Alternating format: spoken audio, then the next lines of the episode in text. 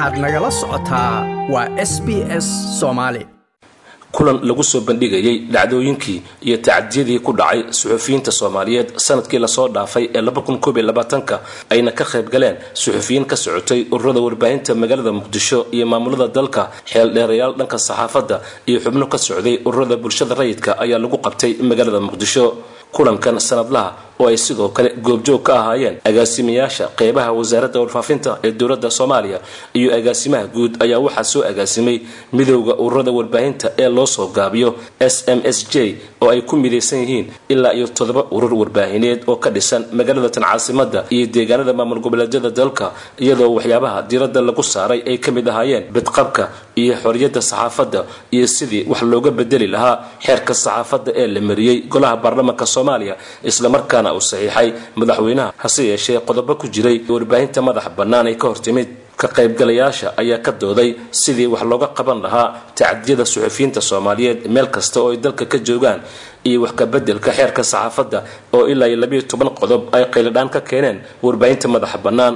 Xogayaha guud ee ururka suxufiyiinta s m s j cabdalla muumin ayaa goobta ka akhriyey tacadiyadii sannadkii la soo dhaafay ka loo geystay suxufiyiinta iyo xarumaha warbaahineed ee guud ahaanba dalka. Meelaha khadka cas ku qoranya ama guduudan waa meelaha dilalku marka ama dhibaatooyinka waaweyn ay ka dhaceen. Muqdishoa ka mid ah waxaa ka mid ah gaalkacyo garowe oo xukun military lagu sameeyey wariyaasha lagu sameeyey.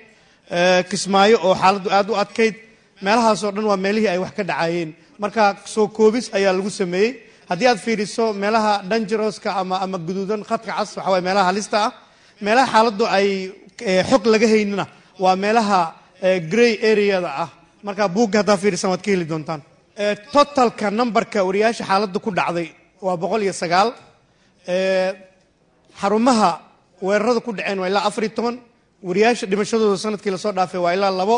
Laakiin haddii aad fiiriso saddexda wadan ee khadka cas waa saddexda wadan ee ugu liita soomaaliya jibuuti eritrea. Wadamada aanu gobolka ku wada naalno. Numberka wariyaasha waxa ku dhaceen sidaan mar kale sheegnay boqolkiiba boqol iyo sagaal qof weeye. Dilalka dhacay labo waaye sannadkii la soo dhaafay. Saddex wariye saddex idaacadood ayaa la xiray afar iyo toban ayaa weerar lagu qaaday lixdan iyo lix wariyena dalka oo dhan oo ay somalilan ku jirto ayaa iyaguna xabsiga loo taxaabay marka waxaa malaynaysaa in ay xaaladdu weli soomaaliya liidato marka la fiiriyo wadciga ay ku shaqaynayaan saxafiyiinta iyo xorriyadda ay heli karaan si ay shaqadooda u gutaan. Halkan waxaad arkaysaa ilaa laba kun iyo lix iyo tobankii oo in ka badan boqolkiiba lixdan weeraradii dhacay ee loo geystay wariyaashu ama dilalka waxay ka dhaceen magaalada muqdisho oo caasimadda ah. Waxaa ku xigta gaalkacyo iyo kismaayo. Waa laba kun iyo lix iyo toban ilaa iyo hadda.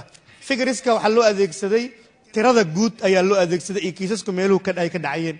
Marka saddexda eriyo waxaa loo yaqaana inay yihiin saddexda ugu halista badan ee saxafi uu ka shaqeeya marka gudaha dalka la joogo inta badan ka qaybgalayaasha ayaa ka dooday sidii loo sixi lahaa xeerka saxaafadda ee uu muranka ka taagan yahay kaasi oo ugu yaraan haddii la dhammaystiro oo dib loogu noqdo kala xadidi lahaa islamarkaana yarayn lahaa tacdiyada ku dhaca wariyaha iyo warbaahinta madaxa bannaan agaasimaha guud ee wasaaradda warfaafinta doctor cabdulaahi xayir ducaali ayaa sheegay in xeerkii saxaafadda ay horay u ansixiyeen golaha baarlamaanka soomaaliya islamarkaana dib u eegis lagu sameeyey markii ay qayladhan ka keeneen saxaafadda hase yeeshee aan weli laysku raacin islamarkaana hadda wax laga bedeli karo. Sida aad la socotaan sharciga saxaafadda ayaa waxaa ansixiyey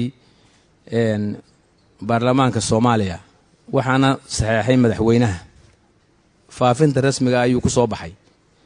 Mar labaad baa dib eegis lagu sameeyey. Intaan madaxweynuhu saxeexin ka hor markii ay cabashooyin ka yimaadeen ururada saxaafadda iyo bahda saxaafadda madaxa bannaan iyo daneeyayaasha saxaafadda. Sharcigaas wuu yaallaa. Waxyaabaha uu sheegaya waxaa ka mid ah in la sameeyo guddiga saxaafadda. Guddigaasoo ay saddex wasaaraddu leedahay saddexna ay leedahay muxuu ahaay saxaafadda madax bannaan labana ay leeyihiin bulshada rayidka iyo hal qof oo ka imanaya guddiga xuquuqul insaanka. Weli lama samayn sharcigana lama dabaqin. Sharciga inaad koobiye ka heshaan oo akhridaan ururadiina saxaafaddu wax waxyi ma aha oo samada ka soo degay waa sharci aan samaysanay haddii aanu anfacaynin sidaynu u shaqayno iyo dadkii loo sameeyey mar kale waxbaa laga bedeli karaa baarlamaanka cusub wax ka bedeli karaa ama daneeyaashu ha ka soo cawdaan ama dadka loo dejiyey saxaafadda madaxa bannaan ha ka soo cabato ama saxaafadda dowladda laftigeeda wixii dhibaya way sheegi kartaa marka sharcigaasuna wuu inoo taagan yahay implementationkiisu haddiinu anfacayo fulintiisii dowladda cusub ayuu u yaalaa iyo innaga kaafiye maxamed oo ka mid a suxufiyiinta dumarka ee ka howlgasha gobollada dalka ayaa sheegtay in sharciga saxaafadda ee iminka dooday ka taagan tahay gebi ahaanba uu xaqirayo dumarka maadaama aan lagu xusin qodobo difaacaya gabdhaha saxafiyiinta ah marka loo eego shaqaalaysiinta iyo xadgudubyada kale. Laakiin xeerkan si gooniya ma loogu eegin mainstreaming lama marsiinin gabdhahana gooniya loomu eegin. Waxyaabo badan oo ayaga oo commenty ay ku darsadeen oo badanna ma jirin. So da marka waxaan ku jirnaa dadka bedanka fadhiya oo hadda markii dib loo furo rabaa in ay qodobo badan ku doodaan. Qodobada goodida loo soo saaray oo hadda toban labada qodob xitaa qodob inaga gooni nooga hadlaya ma jiro. Itmins codkeena uu ka maqan yahay sharciga. Wa alxamdulilah haddii weli aan dhahayno ha taagnaado so waxaan because waxaa jira qodobo badan oo rabo in gabdhaha dib loogu fiiriyo shaqaalaysiinta markii la dhaho in sharciga inuu qeyb uu ka hadla waaye. Hadday ahaa laheyd publica hadday ahaa laheyd miidiyaasha goonida loo leeyahay dhammaantood hadda si focust ma saarayo article oo saas uga hadlayana ma jirto oo meeshaas ku cad laakiin hadda dib aan u eegi doonaa xitaa waxaa jiro waxyaabo gabdhaha u gooniya oo la rabo in sharciga lagu soo daro oo xeer kasta inay ku jirta ay qasab tahay. Laakiin sharcigaas si gooni loguma eegin marka laga soo tago tacadiyada xariga jirdilka ee ay la kulmaan wariyaasha waxaa dhanka kale tacadi loo geystay wariyaha laga soo qaaday in is-hor istaag lagu sameeyo howlihiisii iyo in loo diido in la siiyo. Xogta uu u baahan yahay waxaase dhanka kale su'aal laga keenay in xeerkan ama sharciga saxaafadda lagu qeexo. Haddii qofka wariyuhu uu sameeyo xadgudubyo islamarkaana warbixin beena uu faafiyo iyo in shakhsi gaar ah ama shirkad uu ka sheego warbixin aan jirin isagoo adeegsanaya warbaahinta uu ka howlgalo ama midda bulshada. Xogayaha ururka isutoga suxufiyiinta cabdalla muumin ayaana sheegay isagoo eedayntaasi ka jawaabaya in qof waliba oo baraha bulshada wax ku qora aanu ahayn weriye islamarkaana shuruucdii kala saari lahayd uu la yaalo xeerka saxaafadda ee iminka lagu murusan yahay. Laakiin dhinaca kale kama dhigna ama kama reebna in wariyaasha laftirkooda haddii ay jiraan arrimo farsamo ama arrimo la xidhiidha anshaxa arrimo farsamo iyo arrimo anshax hadday jiraan in la saxo kama kama reebna. Waxaa jira xeerka la yidhahdo xeerka anshaxa saxafiyiinta oo tababarada la siiyo suxufiyiinta mar walba lagu soo celceliyo oo lagu qaato. Waxaa socda dhismaha saxaafadda soomaaliyeed sida dowladdu ay u dhismayso oo aynay ula mid ahayn toban sano ama labaatan sano ka hor sidii ahayd ayay iyaduna u dhismaysaa waxaa soo yaraanaya qaladaadka ay gelayaan saxafiyiinta ayaa soo yaraanaya. Haddii ay jiraan arrimo weli taagan waxaa laga hadlaya baraha bulshada. Baraha bulshada dad badan oo ku qora wax ku qora weli saxafiyiin ma aha. Taa waa inay caddahay waa in la fahmaa waana inay kala baxsan tahay saxafiyiinta maaragtay ka shaqeeya xarumo warbaahin ama ku shaqaysta miinada warbaahinta iyaga oo madax bannaan. Iyo dadka kale ee bulshada caadiga ka tirsan ee taleefon iyo internet heli kara ee barta bulshada ku jira ee halka wax soo dhiga labada waa inay kala saaran tahay. Waxyaabihii kala saari lahaa oo kala bixin lahaa oo nidaamkaa samayn lahaa adaasi waxaa ugu horreeya xeerka warbaahinta. Xeerkaasi waa sax waanu diidnay wuu taagan yahay. Laakiin inaanu diidnay micnaheeda maaha anagu xeer diid nidaam diid manihiina waxaan nahay xorriyad doon.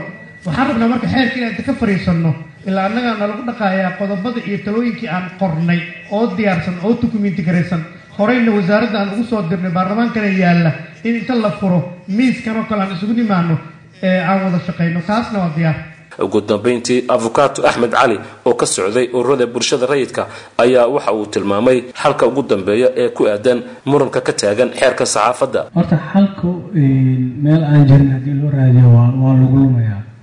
Xalkani wuxuu noqon karaa in xeerkan dib loo soo celiyo stakeholderskii iyo dadkii ay quseeyeyna laga talageliyo qodobada laysku hayo dhowr iyo tobankan qodob ee laysku hayo in laga naqaasho laga wada hadlo wax laysku ogyahay la dhigto. Xeer dadkii lagu maamulayay aysan waxba ka ogeyn aysan waxna ka dejinin laguma maamuli karo wareerkiisuu leeyahay. Saas daraaddeed waxaan codsanayaa mar kale iyo mar kale codsanayaa in dib loo soo celiyo dowladdan hadda timid iyo nidaamkan hadda yimid iyo baarlamaanka yimidna dib loo soo celiyo qodobada yararka ah ee turxaan bixinta u baahanna la turxaan bixiyo si isku meel wax loogu soo wada shubo uu noqdo xeer u dhaxeeya dadka oo saamilayda ama dadkan oo wada quseeyo dhan saxaafadda iyo dowladda iyo dadka soomaaliyeed intaba. Waana sax haddii maanta adiga meeshaan aad joogtid beriyaad ka tegaysaa meelo kale aad tegaysaa marka haddii aad maanta tiraada war aniga ha laygu cabiro xeerkan wax shaqey kara maaha xeerkan waa inuu noqdaa saxaafadduna waa inaysan naqanin mid ayada lagu cabiro dowladduna waysan naqanin mid ayada isku cabirto waxaa la rabaa xeerkan inuu xeer yahay dadka u wada dhexeeya heshiisna lagu yahay wax heshiisa meel la wada saartayna. La qoro la ansixiyo lagu dhaqmo. Like as la wadaag wax ka dheh lana soco barta facebooka ee sb s soomaali